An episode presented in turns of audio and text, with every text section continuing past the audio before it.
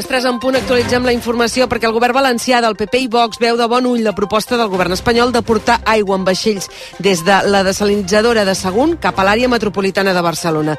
Després que la ministra Teresa Riveras li expliqués la idea, el president valencià, Carlos Mazón, ho ha valorat així. Yo entiendo que haya agua desalada que se vaya a Cataluña, eh, me parece bien.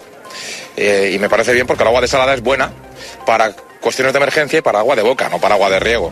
Pero estoy a favor que intentamos por fin en España que el agua es de todos, a ver si eso anima a los demás a darse cuenta de que aquí lo estamos pasando muy mal también. Mazón ho deia la televisió valenciana. A punt, dilluns, el president valencià reunirà amb la ministra Teresa Riveras, també ho farà el conseller David Mascort. I el govern espanyol no veu perillar la legislatura, tot i el no de Junts a la llei d'amnistia. Pedro Sánchez hi ha insistit avui en un acte de campanya a Galícia, assegura que té per davant 1.260 dies de govern. El ministre de Cultura, Ernest Urtasun, també ha assegurat al Via Lliure de rac que està convençut que tard o d'hora s'arribarà a un acord amb Junts per tirar endavant el text. Això sí, demana treballar amb discreció actuar amb responsabilitat. Responsabilitat vol dir que aquest és un gran projecte eh, de la legislatura que no podem deixar d'escarrilar i, per tant, ara el que toca és dialogar molt, parlar amb discreció, eh, però sobretot garantint que aquesta llei tira endavant i jo estic convençut que ho aconseguirem, malgrat que l'altre dia crec que la, rebutjar la llei va ser un error. Urtasun també ha lamentat que hi hagi jutges a Espanya que actuen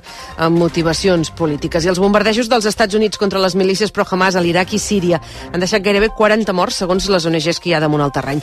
La majoria serien civils i no pas milicians, que era l'objectiu dels atacs segons Washington. Les dades les ha fet públiques l'Observatori Sirià dels Drets Humans i el govern iraquià. Això mentre continuen les eh, condemnes als bombardejos que tensen encara més l'estabilitat fràgil de tot el Pròxim Orient després de l'esclat de la guerra a Gaza. Fa una estona, Rússia s'ha sumat als països de la regió i ha reclamat també una reunió urgent del Consell de Seguretat de les Nacions Unides. I el Barça visita aquesta tarda un Alavés en ratxa, mentre que el Girona busca recuperar provisionalment el lideratge. A dos quarts de set, Alavés Barça, els blauran amb vuit baixes contra un equip vitorià que ha encadenat tres victòries i a les 9 Girona Reial Societat. Demà es disputa el derbi Madrid-Atlético. Aquest migdia Carlo Ancelotti ha recriminat les paraules de Xavi Hernández en què el tècnic blaugrana assegurava que la Lliga està adulterada per les pressions de Real Madrid Televisión. Pienso que yo soy un profesional y como profesional no quiero bajar a este nivel por respecto al fútbol español. No quiero bajar. No es un nivel por profesionales. Encara a primera, ara en joc al descans, València 2, Almeria 0. I acabem amb el temps perquè Xavi Segura l'ambient primaveral anirà a més aquest cap de setmana. Exacte, avui les temperatures màximes encara pujaran més, sobretot al Pirineu, Prepirineu, Catalunya Central, interior de Girona, amb molts valors de 17 a 22 o localment 23 graus. Demà encara podrem sumar algun grau més i no es descarta fregar els 24 o 25 graus al prelitoral interior de Girona. Ambient atípicament primaveral per trobar-nos a principis de febrer i tot plegat amb sol i calma en general. L'excepció la trobarem a punts de Ponent i de la Vall de l'Ebre, on l'efecte boira mantindrà l'ambient més fred tot el dia. Les 3 i 3, tanquem el racó migdia que hem fet la redacció d'informatius i d'esports amb l'Adrià Gil i el Marc Selva al control tècnic. A partir d'ara continuarem pendents de l'actualitat, els avanços informatius. Com sempre, a partir de les 4 del Superesports i a les 11 el tu diràs. Nosaltres tornem demà a les 2. Ara us deixem amb el viatge bé. Bona tarda. RAC1. Aquest dissabte és Super Dissabte des de les 4 a RAC1. A dos quarts de set, a la Ves Barça de la Lliga Masculina de Futbol. Des d'una hora abans en Fot Lipou i tota la tropa del Barça juga a RAC1. Pendents des de les 6 del Joventut Palència de la Lliga ACB. A les 9, Girona Reial Societat amb Miquel Agut i companyia. I per rematar-ho, tu diràs fins a la una amb Gerard Ballera. Aquest dissabte és Super Dissabte a RAC1. El Barça i el Girona Juga RAC1 és una gentilesa de CaixaBank i Estrella d'Am. RAC1. Tots som 1. Teniu la maleta a punt, oi? Perquè ara mateix sortim de viatjar. A RAC1, Viatge bé, amb Esther Muñoz.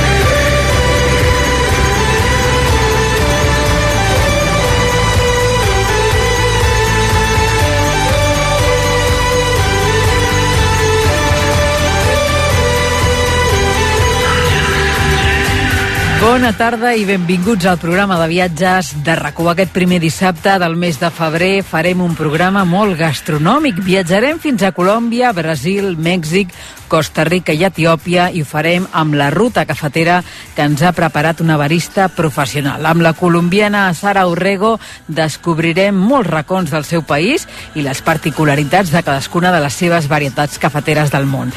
I ara que ja s'ha inaugurat la temporada de calçots, us portarem a fer-ne una a tocar de la platja de la Murtra, al Baix Llobregat. Serà el Mamut, un nou establiment inspirat en un viatge al Parc Natural de Tulum, a Mèxic.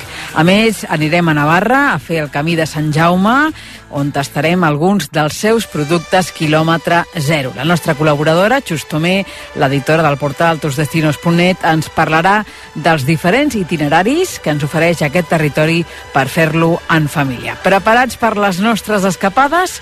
Doncs comencem.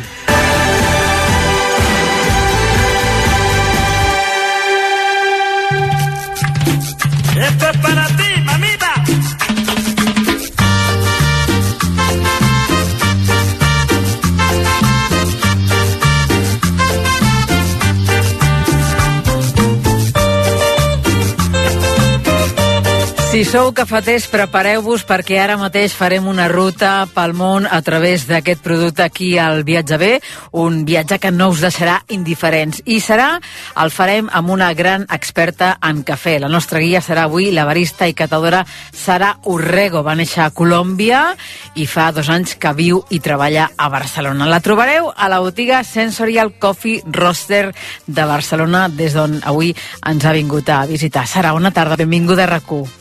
Buenas, muchas gracias por la invitación. Com estàs? Muy bien. Fa dos anys que, que vius a Barcelona i, Sí, i que no has tornat a Colòmbia, no? No, es muy triste, pero bueno, pronto lo haré. T'enyores o què? demasiado, demasiado. La comida, el clima, mis amigos, todo, todo. Tengo la oportunidad de tener a mi familia acá, pero sí tengo mi vida ya entera.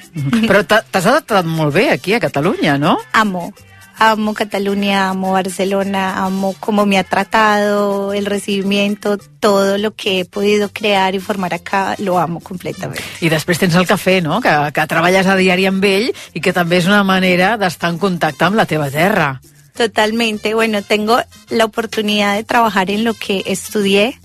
Eh, yo me formé en Colombia, me formé como barista y catadora en Colombia y aquí he tenido esa oportunidad de trabajar en eso y eso me hace muy feliz.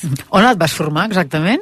Eh, bueno, yo inicié, eh, lamentablemente el café eh, se hace por cursos, no hay una universidad, no hay un lugar donde te puedas formar completamente. Yo inicié en el SENA, que es como un, mm, una institución pública que el gobierno le da a los jóvenes eh, colombianos para formarse en ciertas áreas. Una de esas áreas es un proyecto muy nuevo, eh, entre comillas, que se dio en Colombia, que es formación en todos los temas relacionados con café.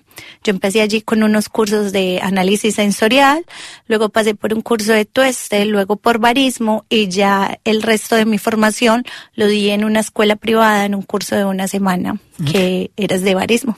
I això ha estat vocacional o és algo que, per exemple, has vist tu a casa teva i ja tenies algú a la família que s'hi dedicava?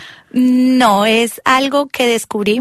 Realmente yo estudiaba ingeniería civil, pero por cuestiones económicas no pude continuar estudiando ingeniería civil y en una de esas me resultó poder ingresar a estos cursos que daba el SENA, porque son cursos completamente gratis para los jóvenes en Colombia y decidí tomarlo y cuando hice mi primer curso me enamoré y me obsesioné completamente por el café. Aquí a Catalunya ens agrada molt el cafè. Suposo que això ho constates a diari, no?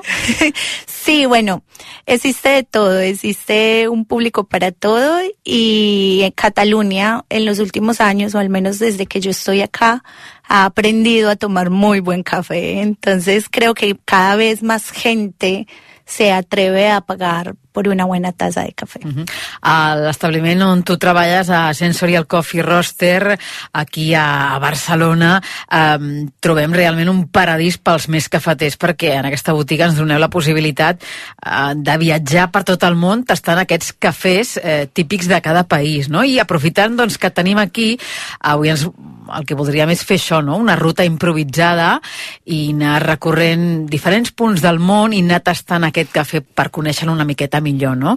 I com no podia ser d'una altra manera, doncs ens agradaria molt començar a Colòmbia. No? Eh, el, el cafè colombià és el més sol·licitat, eh, per exemple, al lloc on treballes tu? Sí, sorprendentemente sí. El café de Colombia es en la tienda donde yo trabajo en este momento uno de los más solicitados. La gente siempre, nosotros manejamos un blend que es un blend Colombia-México y antes de eso no teníamos un, un espresso eh, de Colombia y hace poco lo ingresamos. Eh, empezamos a trabajar con un expreso simplemente de Colombia y a la gente le ha encantado. La gente siempre va y pregunta por café de Colombia. ¿Por qué? Porque, ¿cómo es aquest café? Vale.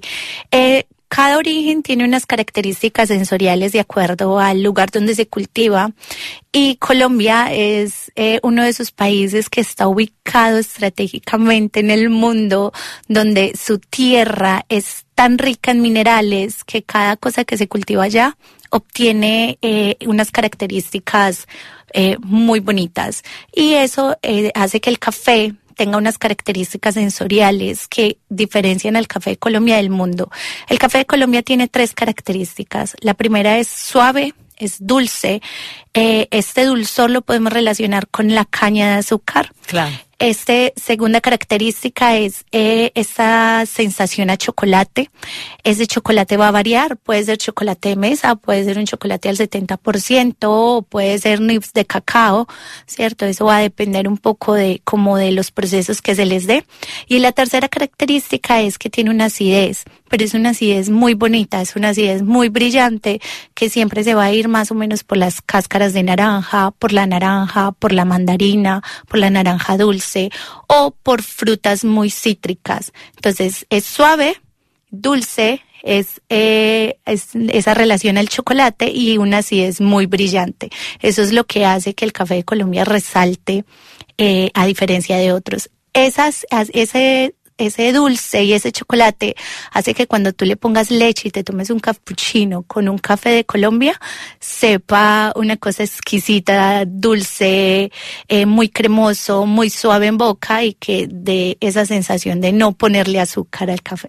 Per tant, és una manera de traslladar-nos a Colòmbia, no? perquè com tu ens deies, eh, el territori marca el producte. No? Eh, eh, quins trets característics de, de Colòmbia són els que tu creus que incideixen directament directament en què el producte eh, resulti això, no? Tan suau, tan dolç, tan amb aquesta acidesa mitjana, no?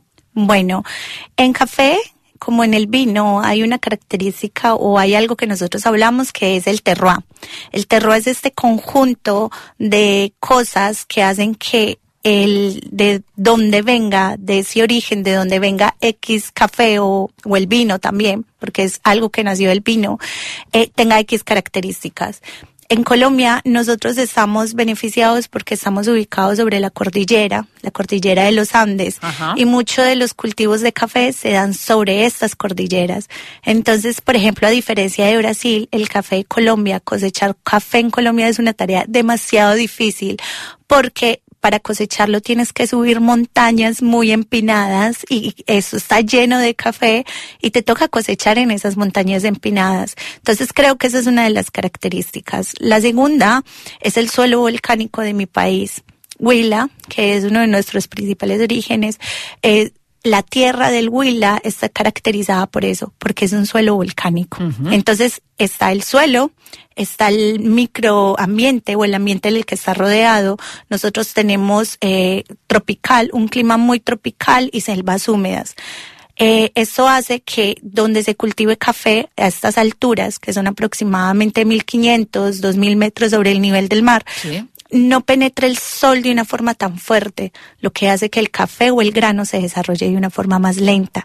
Y al desarrollarse de una forma más lenta, la glucosa natural del café se desarrolla muchísimo mejor y eso hace que al producirse o al beneficiarse el café de unos sabores tan exóticos. la, la tercera viene a ser la mano de obra. Obviamente nuestros caficultores llevan siglos cultivando café.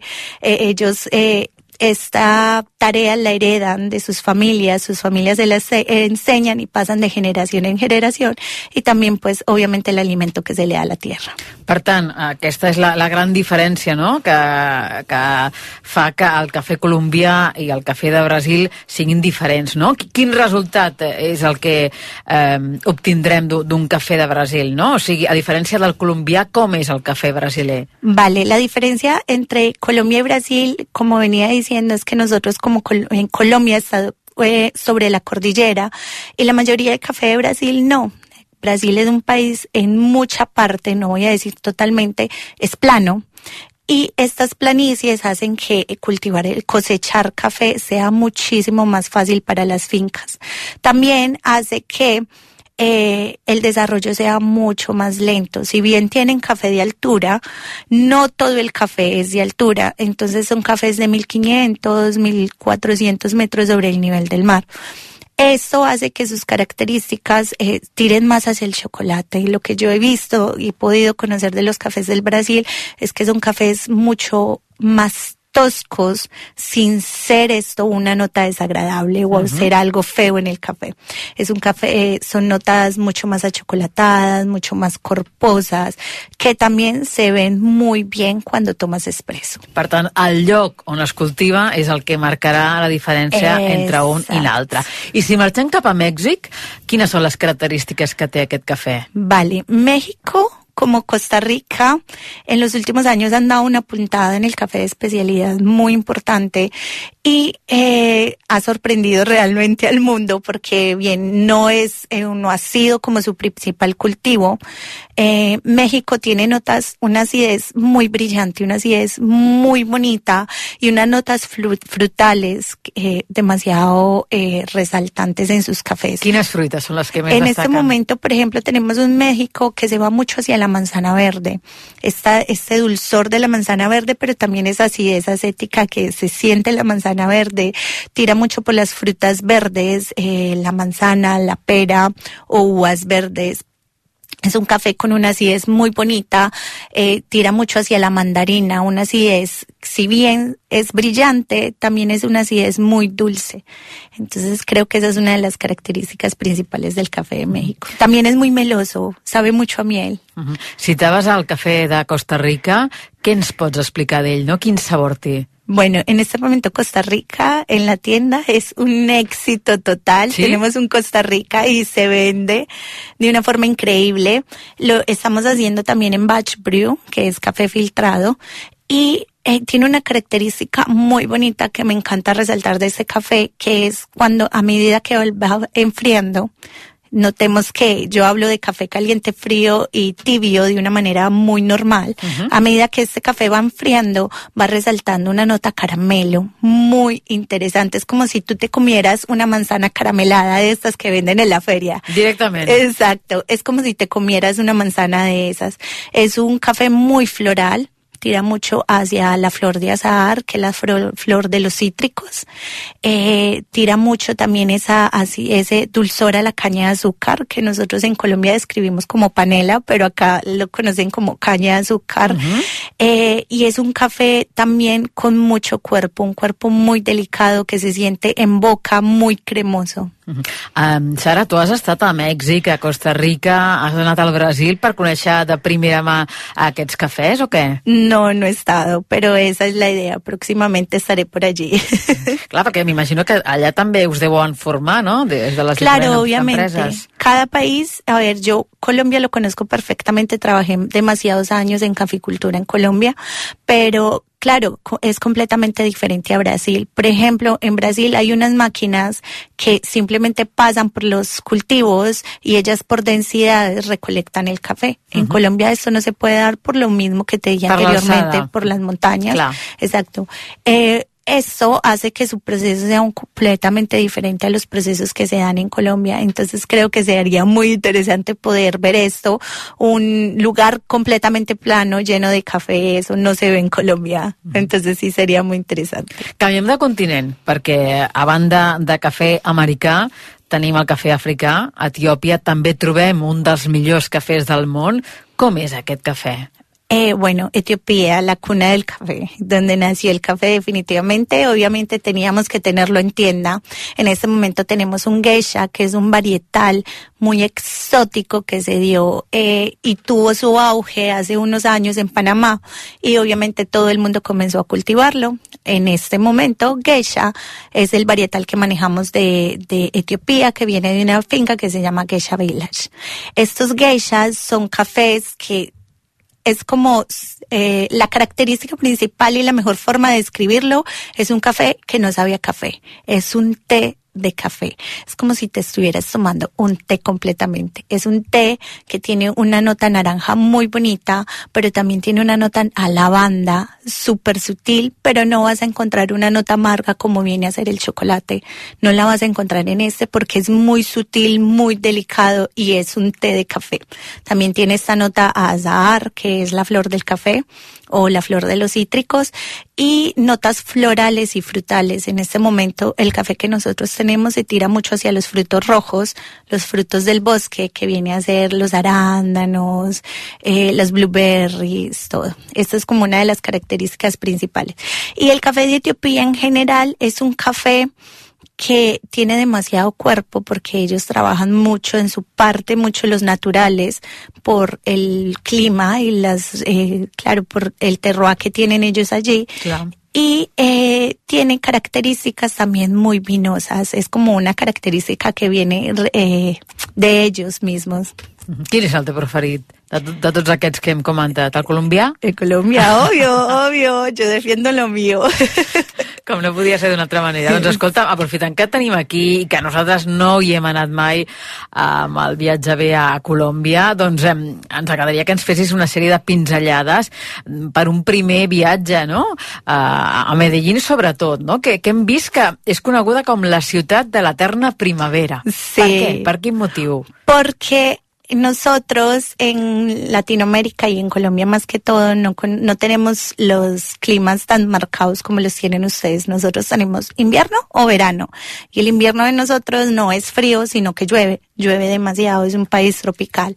Entonces eh, Medellín está en una zona tan privilegiada que todo el año es un clima precioso, es un clima de primavera total. Siempre estamos en primavera, a no ser que estemos en temporada de lluvias, que es más o menos septiembre, que sí llueve demasiado, pero el resto del año, primavera Seria completa. com si anéssim a les Canàries, igual, no? A les Illes Canàries, una sí, mica això, no? totalmente. I escolta'm, um, a l'hora de, de recórrer la, la ciutat no? i els seus pobles, um, si algú amant del cafè volgués eh, fer un recorregut cafeter, eh, hi ha la possibilitat de fer-ho? Teniu alguna ruta específica? Vale, mira, en, en Medellín eh, tenemos la oportunidad de tener café dentro de la ciudad. En uno de los barrios que se llama La Sierra hay café cultivado allí, pero también pueden hacer una ruta fuera de la ciudad, que viene a ser la ruta del suroeste, Jericó, Jardín, eh, también se pueden desviar un poco hacia Ciudad Bolívar, que son pueblos muy cafeteros. Eh, la ventaja de poder ir a estas zonas de, de Medellín o de Antioquia es que cuando vas en carretera solo ves café. Mires donde mires, solo ves café. El cultiu. Exacto. He vist que hi ha una zona que és eh, el Nevat del Ruiz. Ah, bueno, les iba a hacer una invitación porque claro, yo sé que muchas de las personas que nos escuchan y son aficionados al café, les gustaría ir a Colombia y hacerse una ruta cafetera, es decir, ir a una zona donde solo se cultive y se coseche café, pero también vivirlo de primera persona. Entonces eh, está Manizales. Manizales hace parte del eje cafetero colombiano, que son varias ciudades eh, donde se cultiva y se cosecha café. Y allí hay una finca que se llama Venecia, que queda en Manizales Caldas, y esta finca tiene unas vistas hermosas al Nevado del Ruiz. Nosotros no tenemos nieve, pero tenemos nevados. Hay varios nevados en nuestro país y eso es lo único que nos acerca a la nieve. Son unas montañas gigantescas que resaltan eh, y que tienen nieve en sus puntas. Eso es lo único de nieve que tenemos nosotros en Colombia. I després tenim, també teniu els paisatges de, de, de selva i, i les platges de somni. Claro, total. El Chocó es otro lugar eh, que tienen que ir en Colombia porque en, yo les puedo recomendar que vayan a Colombia entre julio y septiembre. ¿Por qué? Porque es como la mejor fecha para, para visitar estas zonas. Y existe el Pacífico colombiano. En el Pacífico colombiano tenemos la ventaja de que eh, somos zona de migración de ballenas jorobadas y se presentan más o menos en estas fechas. El Pacífico eh, tiene la, la ventaja de que sales de la selva, encuentras la playa y al fondo es un mar precioso donde puedes ir a hacer avistamiento de ballenas. Quin con contrast, no, aquest, no? Con- Un contrast, un contraste. Un contraste completo porque también está como la selva, cascadas que desembocan de agua dulce, que desembocan en el mar, que vienen de la selva. Es un contraste completamente diferente. Si bien no les estoy recomendando el Caribe colombiano, les estoy recomendando el Pacífico colombiano, que es otro lugar que tienen que visitar en Colombia. Hem fet aquesta ruta improvisada, hem conegut de primera mà el cafè de Colòmbia i de moltes altres parts del món, però i, i pel que fa a la gastronomia, què seria el més destacable, allò que hauríem de tastar sí o sí, que ens recomanaries? Bueno, eh, gastronómicamente nosotros como somos país tropical tenemos producción de frutas y verduras todo el año, no es que tenemos una época específica para cada cosa, solo en algunas frutas se ve esto, pero si van a Colombia, desen la oportunidad de comer en la calle. Nosotros tenemos muchísima comida callejera, no les dé miedo, no les va a pasar nada. La la tradició, no? Exacto, coman mucha arepa, tenemos 43 tipos de arepas diferentes, desen la oportunidad de comer mucha arepa y mucha comida callejera, una buena bandeja paisa o un ajiaco bien rico, eh, sí, de- y coman mucha fruta porque hay frutas que nunca en su vida han visto y allí eh, se dan de forma muy natural, de forma muy selvática, muy silvestre. Doncs eh, hem de donar-li les gràcies a la Sara Urrego per aquesta visita que ens ha fet avui a rac al Viatge B, per aquest viatge arreu del món a través del cafè i recordar-vos doncs, que si la voleu visitar, si la voleu conèixer en persona i potser doncs, eh, anar més al detall del que hem anat avui, doncs la trobareu aquí a Sensorial Coffee Roaster, concretament al carrer Llull, número 199 de Barcelona, on està treballant com a barista i catadora. Sara, moltíssimes gràcies per venir a l'estudi i escolta'm, ens trobem allà al vostre establiment. Muchas gracias. Bueno, los invito a que nos visiten. Es una tienda preciosa y es una tienda donde podrán vivir toda la experiencia completa. También si quieren cursos o talleres, los podemos dictar allí en nuestra tienda. Y si quieren aprender un poco más, no duden preguntarle a nuestros baristas, eh, conmigo o con mis compañeros, acerca de los cafés que se están tomando y de los orígenes para que conozcan más acerca de Sensorial Coffee y el proyecto Santuario Coffee. Una abraçada molt, molt gran i felicitats i enhorabona a tot l'equip. Que vagi molt bé, Sara. Muchas gracias por la invitación. Adeu. Adeu. Si us agrada viatjar, veure món, guanyar noves experiències, rac us ofereix cada dissabte Viatge B, amb Esther Muñoz. RAC1. President Laporta, bon dia, moltes gràcies. Hola, bon dia. Vostè pot garantir la continuïtat de Xavi fins a final de temporada? No destituiré el Xavi perquè penso que no s'ho mereix que el destituïm. Si aquest any aconseguim el pressupost que ens hem fixat, haurem acabat amb una de les etapes més fosques de la història del Barça. El Madrid no s'està portant bé. El Madrid està fent un exercici de cinisme que no és acceptable. El món a RAC1, on passen les coses. RAC1, tots som u. RAC1. Abans de les visites al Bernabéu i Sant Mamés, el Girona rep la Reial Societat. Comença el Tourmalet pels de Mitchell. Porta dins l'àrea àrea per marcar contra la xuta, gol! Gol! Gol, gol, gol, gol! Aquest dissabte a les 9, Girona Reial Societat, amb Miquel Agut, Xavi Puig, Jaume Molló i els comentaris de Marc Brugués i Adai Benítez. El Girona Juga rac és una gentilesa de CaixaBank i Estrella d'Am. RAC 1. Tots som 1. RAC més 1, podcast. A RAC més 1, tranquil·lament.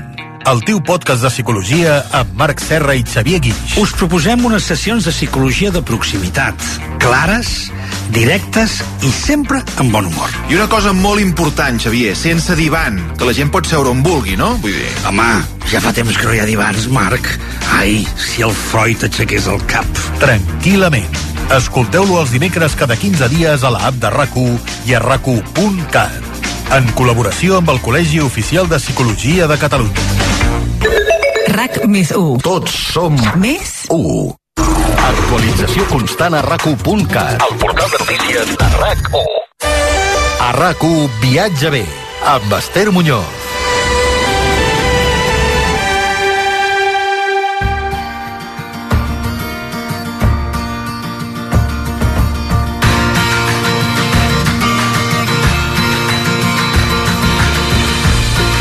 Som en temporada de calçots i els del viatge bé avui hem vingut a fer-ne una calçotada davant del mar, a la comarca del Baix Llobregat, a només 10 minuts de Barcelona i a tocar de la platja de la Murtra hem descobert un espai molt singular i molt sorprenent. Es tracta del Mamut Beach Club, un restaurant que treballa en producte quilòmetre zero del Parc Agrari i que gestionen des de fa un parell d'anys l'Adrià Llenes i l'Albert Estragués, el director general i el CEO respectivament del grup de restauració Lancaster amb dues dècades històriques. Tenim aquí a l'estudi Adrià, Albert, bona tarda, benvinguts al viatge bé de RAC1. Bona tarda. Hola, bona tarda. Bé, a principis del mes de desembre vam anar a fer un programa especial al Prat de Llobregat, coincidint amb la cinquantena Fira del Gall, i allà eh, vàrem descobrir el potencial d'aquesta comarca del Baix Llobregat a nivell de territori i també de gastronomia, i la veritat és que ens va sorprendre moltíssim perquè eh, vàrem comprovar en viu i en directe que és una terra molt, molt rica a nivell de territori i també a nivell de gastronomia. Vosaltres això ens ho podeu confirmar. Sí, no, i tant. O sigui, nosaltres al final estem al costat de l'horta més gran de, dels voltants de Barcelona, no? Tot el, el que és el Parc Agrari del Baix Llobregat, mm, producte, és, és una barbaritat en si. I també ara estem amb la temporada de calçots eh, i estem treballant amb, amb producte de proximitat, com és el, el calçot del Parc Agrari i la carxofa, també. Uh -huh. De fet, vosaltres teniu ara mateix vuit establiments de restauració que són únics perquè estan davant del mar.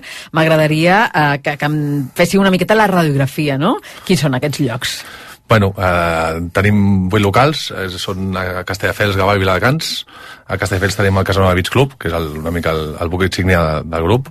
Després l'Embarcadero, tenim un xiringuito de temporada que és el Caita Morena, i també a una discoteca, que és el, el H Club. Després a Sitges també tenim un xiringuito de temporada, que és a, a la Xancla, i a Gavà tenim el Lancaster, que és el, està dintre del David Lloyd, del club esportiu, i després a Viladecans doncs, tenim el Mamut i a l'estiu el, el Chiringuito el Mosquito. Per tant, és una zona que coneixeu perfectament, eh, no només perquè hi treballeu, sinó perquè també sou d'allà, heu nascut sí, allà, no? Sí, sí, sí, sí. des que tinc un mes de vida. D'on ets tu? Jo de Castelldefels. I tu, Adrià? Jo visc, a, bueno, soc de Vegas des de, bueno, des dels 8, 9 anys. Mm. Doncs avui farem un recorregut per aquella zona a nivell gastronòmic i també a nivell territorial, centrant-nos sobretot en el Mamut, que és aquest restaurant, com dèiem a l'inici, molt singular, perquè va ser, eh, Albert, una idea teva, que es va gestar, sí. a més a més, durant la pandèmia, no? Que, que va sorgir, si no m'equivoco, arran d'un viatge a Tulum. Sí, bueno, el, el projecte era justament un mes abans de pandèmia quan el vam tancar, vam estar després amb tot el procés, i, bueno, com, com a pandèmia vam tindre molt de temps per pensar i donar-li voltes, pues, ens vam estar inspirant-nos amb, amb el tema de Tulum, no? perquè pensem que és una zona una zona natural i Tulum justament també està en una zona natural i, bueno, i tenen una arquitectura molt xula i, bueno, I has anat? Sí, sí, sí, fa molts anys, fa molts anys vaig estar-hi i la veritat que, que bueno, ens vam una miqueta pues, fer una mica reflexa de que la gent tingui un espai a prop de Barcelona i que quan vagis allà sembla que t'hagis anat a, pues, que estiguis a fora, no? Què recordes d'aquell viatge, no? Que, que és eh, el que més et va impactar a Tulum? Bueno, tot el parc natural de Tulum és, és espectacular.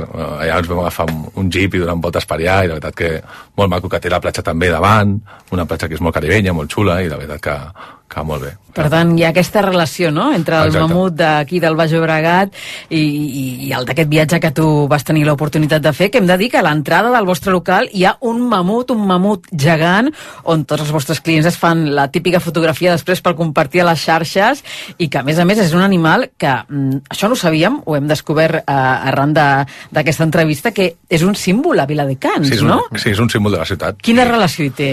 Bueno, es veu que es van trobar restes de mamut a, fa, molt, fa molts anys i, bueno, i llavors eh, fan, tenen la, el dia del mamut i tenen una colla del mamut i, bueno, llavors a, a, refa- em, pues, ens vam pensant amb el, amb el nom del local, diem, hosti, pues, anem, a, anem a donar símbol a la ciutat i també nosaltres estàvem molt, molt cabuts en ficar una figura molt gran perquè avui es porta molt el, tema de, de fer fotos als locals perquè es coneguin i com estem allà tan apartats, pues, dir, vam, anem, a, anem a veure que, com, com ho podem fer, no? I vam trobar el símbol del, del mamut de Viladecans i, bueno, vam fet un mamut a, a escala real que és Va per no- costar molt o què? Bueno, sí, sí, sí no, no va ser fàcil, no va ser fàcil. Va ser una obra com, com la Sagrada Família o no? Eh, Sí, sí, sí, quasi, quasi, quasi, quasi.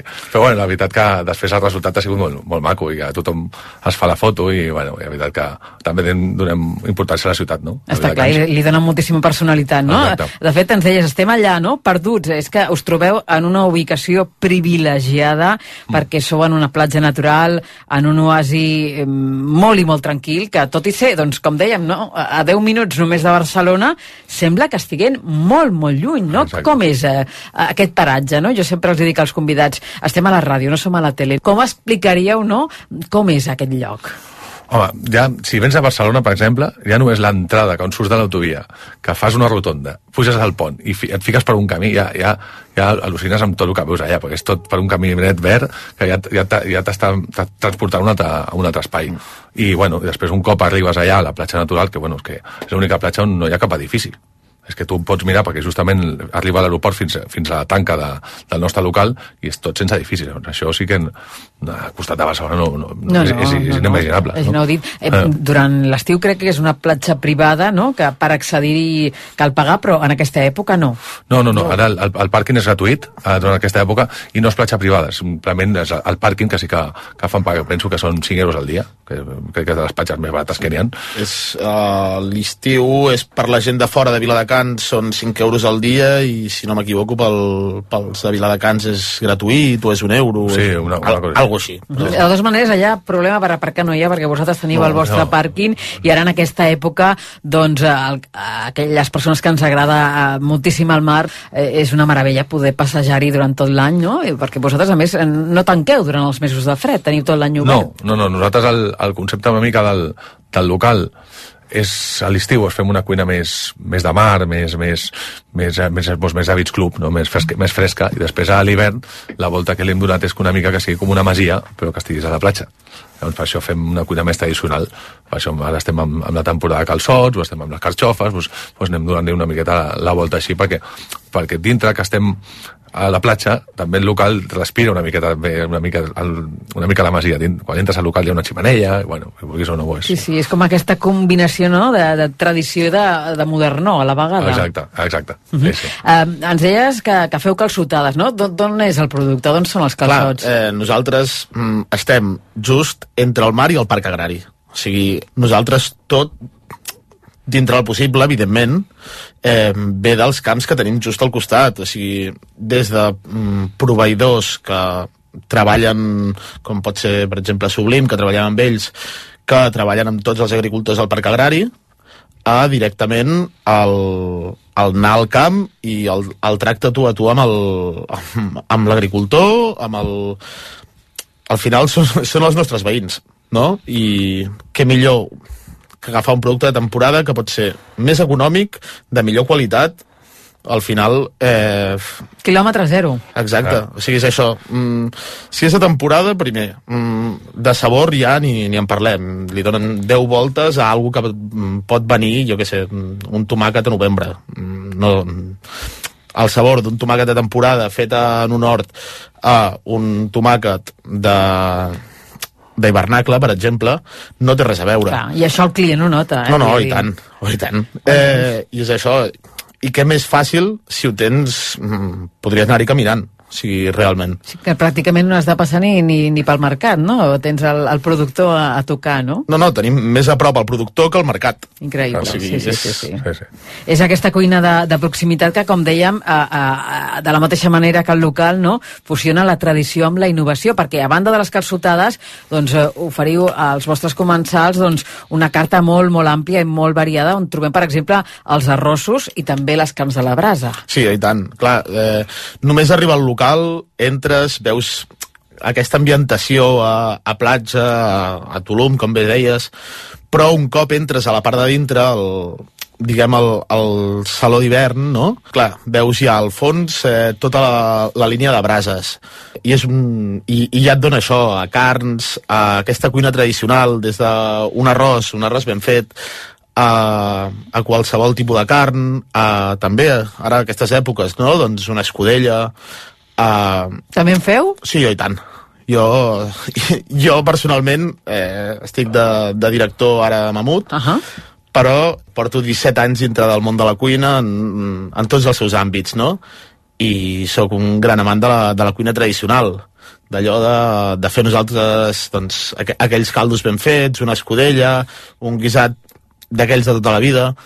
Doncs clar, tot això a l'estiu doncs, no ve i hi ha aquest concepte de, de platja, de més, però a l'hivern entres, clar, és, és un saló molt gran, aire condicionat, tens la brasa al fons, foc, doncs, a part de les calçotades, de la carn a la brasa i tal, també aquest concepte tradicional de la cuina de tota la vida sempre agrada. I, i, i avui en dia fa, mm, fa una mica de falta, també. I, I la gent no demana, eh? El producte eh, està sol·licitat, eh? Està demandat, eh? És, és molt més fàcil trobar una, avui en dia una esferificació que, que una escudella ben feta o que un pollastre rostit. Totalment d'acord, totalment d'acord. Ens parlàveu d'aquest espai, no?, um, d'hivern, que, que vosaltres l'heu batejat com el Winter Garden, uh, que és un, un, un lloc que, que s'ha adaptat molt bé doncs, aquest, a l'estació de l'any a la qual estem, uh, però que uh, també doncs, ha aconseguit crear un clima molt, molt càlid també uh, a través de la seva decoració, no? combinat també aquest exotisme del paratge on esteu, no? Com ho heu fet, això?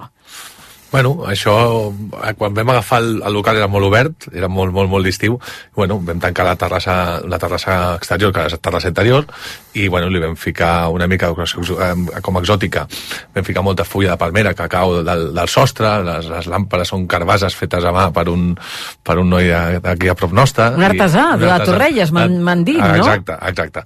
I bueno, i, bueno així li, doncs, li dones una mica el toc exòtic, però també càlid alhora, i bueno, i estem aconseguint una miqueta pues, això, donar-li la volta. I ara, amb el tema que parlàvem de, del tema dels productes que parlàvem abans, també és molt important remarcar això, que, que la pluma ibèrica, per exemple, la comprem a, al seu puesto, la llonganissa, que és la botifarra, per exemple, la, la comprem a Lleida, saps? tot, és, tot, tot el que anem a buscar, ho anem a buscar molt, molt, molt Això és molt, molt important que ho diguis, eh? Sí. perquè no passa a tot arreu. Mm. I, i, I és el que dèiem, no? Si realment el client això, um, quan marxes d'un establiment així, ho notes, no? Vull dir, Exacte. es nota, es nota. Eh, I quan arriba el bon temps, com us transformeu, no? Com es transforma el mamut? Bueno, la terrassa que vam fer doncs la, la obrim molt més a, a fora, també tenim un espai a fora que és molt maco, també tenim una, una terrassa per, molt, molt oberta, on, de fet, està al costat de la platja, però no té vistes al, al mar, llavors nosaltres vam ficar un, tot un espai de la cantonada, vam ficar com sorra a la platja, amb, unes, amb, amb palmeres, amb plantes exòtiques i tal, i la veritat que tens una, una, una terrassa tot en fusta natural, amb un escenari tot en fusta natural, molt maco, i la zona aquesta de la platja, que és, que és molt autèntica, la veritat. Sí, sí, que, que, aconseguir- que vas caminant, no? I sí, que sí, no, que, que que, a que, tocar, et, dona, no? Mm. et, dona, et dona la sensació que estàs a la platja. Escolteu, si venim a dinar eh, a sopar i abans o després eh, de passar pel Mamut volem fer alguna excursió, vosaltres que coneixeu la zona, què ens recomaneu? Què podem fer? Bueno, doncs, com dèiem, és allò de... Just al costat tens tot el, tot el que és el parc natural del Remolar a les Filipines, per exemple, doncs que mm, és una zona que en naturalesa, en fauna, hi ha, hi ha unes excursions pel, pel parc natural que, és, mm, que són fantàstiques, meravelloses, i que és allò, a, a pocs minuts caminant de, de just la porta del local, que és allò, pots anar pel matí a la platja, eh, anar pa, a dinar al Mamut i per la tarda fer una excursió pel, pel Parc Natural del Remolar. Sí, que per les excursions aquestes són gratuïtes per, per tots els públics. Sí. Això també té una zona de pàrquing i vas caminant i arribes un moment que, es, que, es, que, es, que creua com a, riu amb el mar, que és molt maco, i tens un avastament de- d'ocells, i la veritat que hi ha algun, algo arquitectònic de, de l'època, que és també de, de, de, gent que vivia allà fa molts anys i està en casa allà. La veritat que és, és, un, és un puesto molt xulo. Sí, veritat, perquè de fet eh, sou, eh, com dèiem a l'inici, no? en aquests espais naturals del Delta del Llobregat, on hi ha eh, doncs, aquestes rutes. En recordo doncs, el dia que vàrem anar al Prat de Llobregat, que ens recomanaven, per exemple, fer eh, un, recorregut que va de Caltet-Ca a l'Arana, un altre itinerari que hi ha que és Carrabiner Semàfor, eh, i aquestes visites guiades que, com tu deies, Albert, són gratuïtes, no? i que eh, són activitats, a més a més, per tota la família, no? Exacte, exacte, sí, sí, és molt maco per tothom. La veritat és que, que i pots anar, també penso a l'hivern que, que es pot anar amb, el, amb, el, amb els gossos i pots anar, la veritat és molt, és molt maco, és una experiència molt xula. Escolteu, hem parlat molt del mamut, eh, però com dèiem, eh, el vostre recorregut eh, és, és molt, molt ampli, teniu molts projectes en, en marxa, el Casanova Beach Club, l'Embarcadero, eh, l'Ancaster, no? Què, què ens podeu dir d'aquests altres llocs, d'aquestes altres opcions? Bueno, cadascú té la, la seva personalitat, la veritat, i, i fem, intentem fer una cuina també diferent. Per exemple, al Casanova Beach fem, pots trobar-te des d'una paella fins a unes carns a la brasa com sushi, no? Després a l'Embarcadero és el que més tenim de, de producte de mar, amb, amb arrossos eh, de molta qualitat. Ara justament hem tret amb, en conjuntament amb el gremi de, del Baix Llobregat i el gremi de Castelldefels hem tret l'arròs de Castelldefels que, que penso que és una bona iniciativa que justament penso que fa poc que, Quina peculiaritat té aquest arròs? Bueno, és un, és un arròs fet amb, amb tot de, de, de xefs d'allà de, de la zona, de, de Castelldefels, que cadascú ha estat molt bé perquè s'han juntat som, som competència. I al final s'han juntat tots a fer el millor arròs. Clar que vol sí, és que a, a, aquesta és la tendència, eh? a agrupar-se, eh? a fer Exacte. pinya una miqueta a tot el sector del turisme. Clar, doncs, tots els seus secrets culinaris s'han obert tots, han fet un arròs amb... Es comparteixen. Amb, exacte, amb gamba fresca, amb producte, que- quan si ara toca el- la, la carxofa, doncs, ficaran carxofa, i a l'estiu, quan toca un altre producte, doncs, ho, ho, van, ho, van, ho van posant, i la veritat que, que està molt bé, però és una molt bona iniciativa per la, per la marca, pel, pel poble. Sí, no, Adrià. just és el que deia, que el- a l'últim punt, quan pràcticament ells deien que, que ja tenien el- l'arròs acabat, van, es va agafar i es va dir, oi, nosaltres que tant promocionem el, el producte de temporada, tant promoci- promocionem tot això que tenim al voltant, no? De dir, per què l'arròs de Castelldefels no pot ser un arròs que es mogui? No? Doncs és allò. Doncs l'arròs de Castelldefels no té per què sempre tenir mongeta o tenir una carxofa o tenir un... No, és, és un arròs que té unes bases clares però a la vegada, doncs això, té un producte és un arròs que, que va amb la temporada i això és algo que, que és, un, és, una, és una recepta, com diguem, viva, no? Doncs aquesta tarda al Viatge B us hem descobert doncs, un dels eh, establiments eh, que tenim a tocar de Barcelona, que realment eh, ha estat sorprenent, no? Eh, saber que s'estan fent calçotades a tocar del mar, davant del mar, i en aquests paratges que segurament doncs, molts n'heu sentit a parlar, però encara no coneixeu.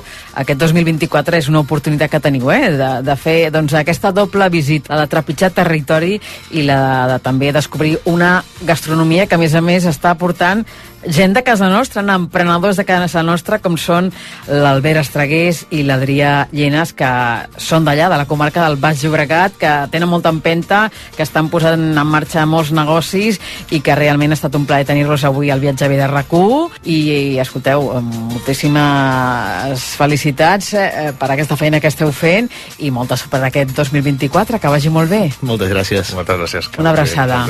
Adéu. A RAC1, Viatge bé, amb Esther Muñoz.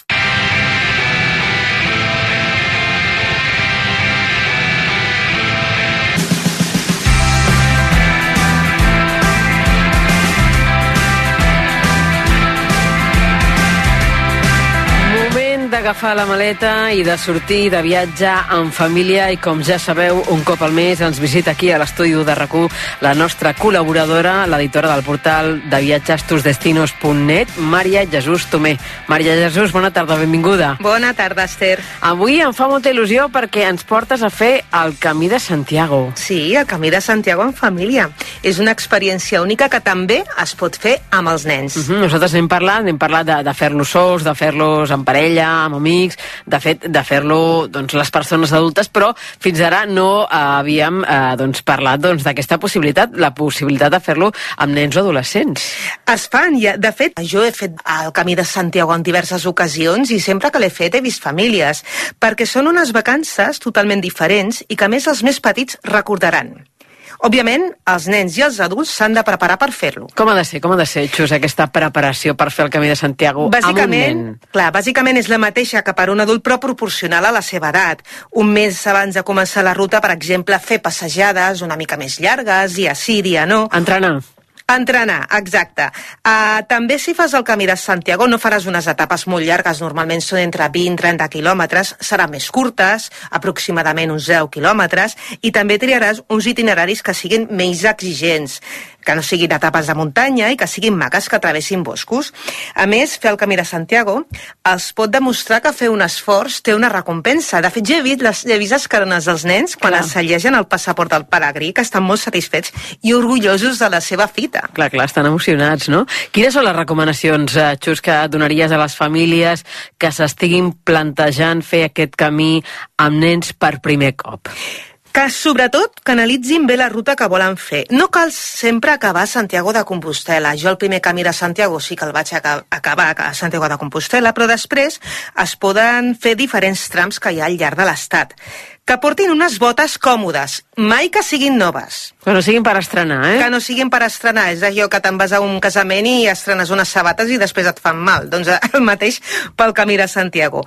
Que tinguis uns bons mitjons, que no facin arrugues i que s'hidratin bé els peus amb vaselina o amb crema hidratant. Una altra recomanació, i sobretot si es fa amb nens, és beure molta aigua i sobretot fer trams curts. Sí, sí, adaptar-los a la seva edat, vaja. Correcte, adaptant-se a la seva edat. S'hauran d'esforçar, però és bo, es motiven, i també durant el camí doncs, menjar, com per exemple plàtans o fruits secs que donen molta energia. I sobretot també és molt important, Esther, que portin la seva pròpia motxilla, amb un pes adequat per ells, però també els fa molta il·lusió i se senten com uns pelegrins més. Clar, es tracta de que es facin responsables del D'aquest viatge s'enduran uns records eh, increïbles que es recordaran de ben segur quan siguin grans. Com el recordes tu, Xus, perquè tu l'has fet algunes jo he vegades. fet el camí de Santiago, he fet el francès de Sàrria, el portuguès dos cops per la, cor la costa i per l'interior, el camí de Santiago anglès és a Ferrol, el de la Ria de Moros i Noies. Jo he fet varis trams i després, eh, sense arribar a Santiago, he fet el camí de Santiago per Palència, per la Rioja i l'últim que he fet ha sigut per Navarra. I ja et dic, en tots he vist famílies joves, o sigui, Ahà. famílies amb nens petits. Una altra recomanació que et diria és que no el facin a l'estiu, perquè fa massa calor pels nens, que el facin a la tardor o a la primavera. I, per exemple, Galícia també és un lloc que plou molt, també pot ser un hàndicap a l'hora de caminar, però recomano d'això, doncs tenir, tenir molt en compte les temperatures de l'any perquè anem amb nens, i és a molt partir, important. A partir de quina edat creus tu? A partir de quina edat creus tu que un nen pot fer ja el camí?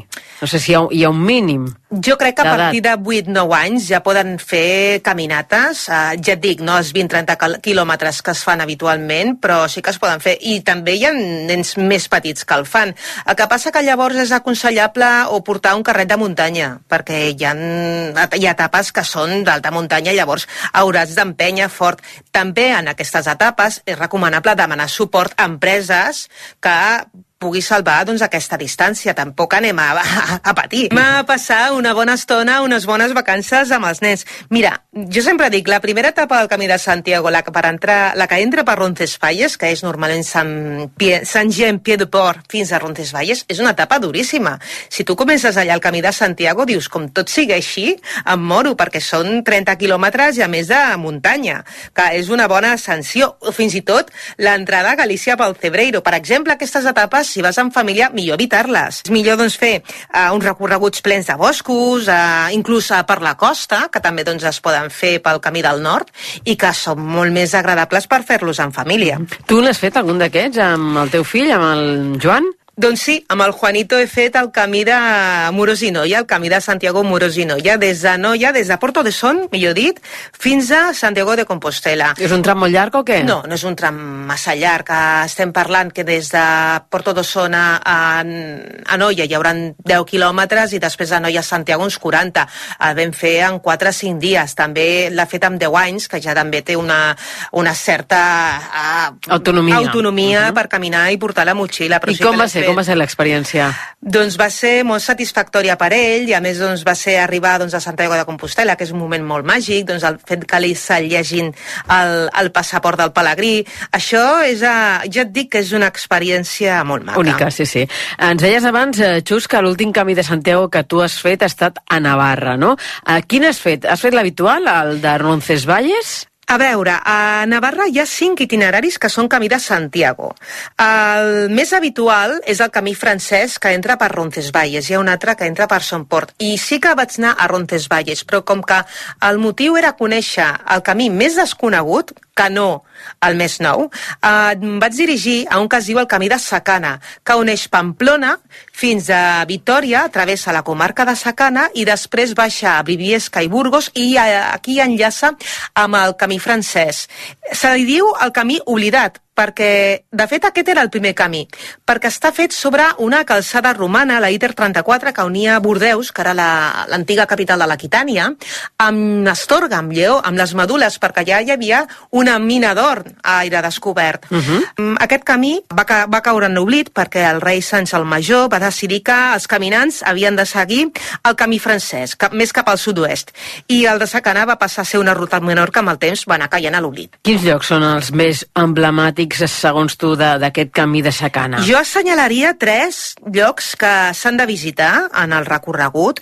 Un seria l'ermita de Santiago de Chasperri, eh, que estava més al costat de la calçada romana, al igual que el monestir de Samarche, que està al municipi de Huarteraquil. Aquest temple, més, estava sobre una mansió romana que es deia Aracaeli. S'han trobat moltíssimes restes romanes, pedres a la calçada. De fet, aquesta calçada va arribar a medir 6 metres d'ample. Eh, S'han trobat mosaics, entre d'altres restes.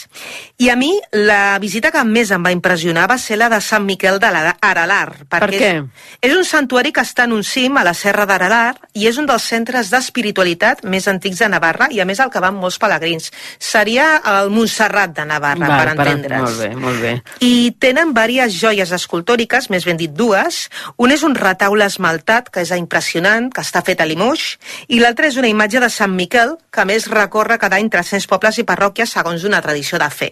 I també cal recordar que va a la catedral de Pamplona, que era l'antiga Pompa de la Romana, uh -huh. el dimarts de la segona Pasqua de Pasqua. Molt bé, doncs a, a tenir-ho en compte. Uh, un cop som allà a Navarra, doncs uh, aquest és un lloc on es menja fantàsticament bé. Alguna Però- recomanació en aquest sí, sentit? però jo diria una cosa. Què? La gent va amb la idea de fer el camí de Santiago i que pensa que es tornaran, que tornaran primíssims, que primaran... No! Impossible. Impossible, perquè un cop fas el desgast calòric que fas, arribes a l'alberg, et dutxes i sopes, i sopes com un lleó. I llavors, clar, normalment la gent s'engreixa quan, torn, quan torna al camí de Santiago. La sorpresa, oh, vaig a la bàscula, no, no, m'hauré aprimat, no? Dos quilos més. Normalment són dos quilos més el que agafa la gent. Depèn també Clar. els dies que marxen. Però, per exemple, a Navarra, òbviament, a Navarra es menja molt bé i a la Sacana tenen el formatge Idiazábal, que Oh, està boníssim. que bo, Vaig fer una cata de formatges va- una meravella, un, boníssims, eh, recomanables, i allà també eh, tenen molta xistorra. Eh, hi ha un lloc a Arbizu que hi ha un senyor que es diu Pachi Goicochea, que li diuen Pachi Xistorres, que si la gent passa per Arbizu jo recomano que el vagin a veure. És una empresa que es dedica a vendre xistorres, a més d'altres productes eh, càrnics. I és tot un personatge, la veritat. Eh, ha portat el nom de la xistorra per tot arreu i és un gran ambaixador de Navarra. Fantàstic. Doncs escolta, a tenir en compte, eh? i sobretot això, eh? si feu el camí, vigileu amb el menjar, perquè, clar, tots entenem que mm, eh, aquest menjar doncs, eh, no el tenim aquí i, per tant, s'ha d'aprofitar, però, clar, amb mesura, amb mesura tot. a eh? mesura, perquè ja et dic, la majoria de gent que torna al camí de Santiago torna una miqueta més planeta, és normal. Si comences a menjar idiazàbals, eh, i xistorres i productes d'aquests, a l'hora de sopar, tot i que hagis fet allò, doncs hagis mm, caminat més de 25.000 passes... Ens hem excedit amb, amb l'energia, Ens hem eh? excedit, no? És desca desgast, menys calories o més calories... eh, No, no està equilibrat, falla, això, no està equilibrat, no clar, sortim de la rutina.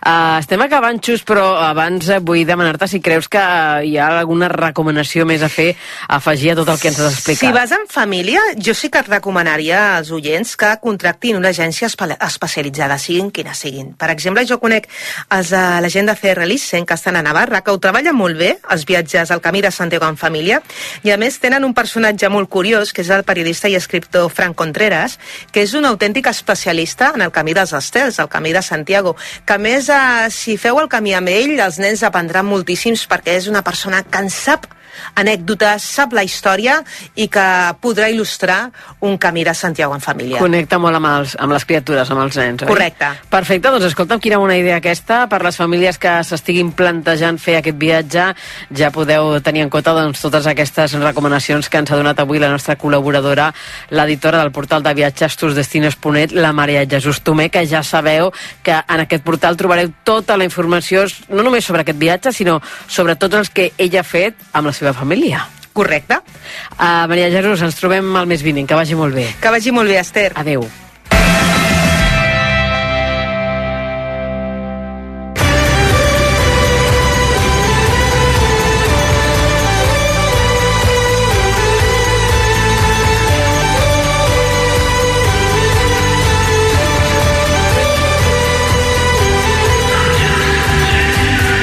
Fins aquí el primer viatge bé del febrer. Salutacions meves i del Daniel Puntipras a la realització tècnica i no deixeu la maleta gaire lluny perquè el proper dissabte 10 de febrer a les 3 i 3 de la tarda la tornareu a necessitar. Fins aleshores us desitgem que acabeu de passar un molt bon cap de setmana i fins d'aquí a 7 dies. Que vagi molt bé. Senyores i senyors, en nom d'Ester Muñoz, gràcies per viatjar en viatge bé a rac i fins dissabte que ve.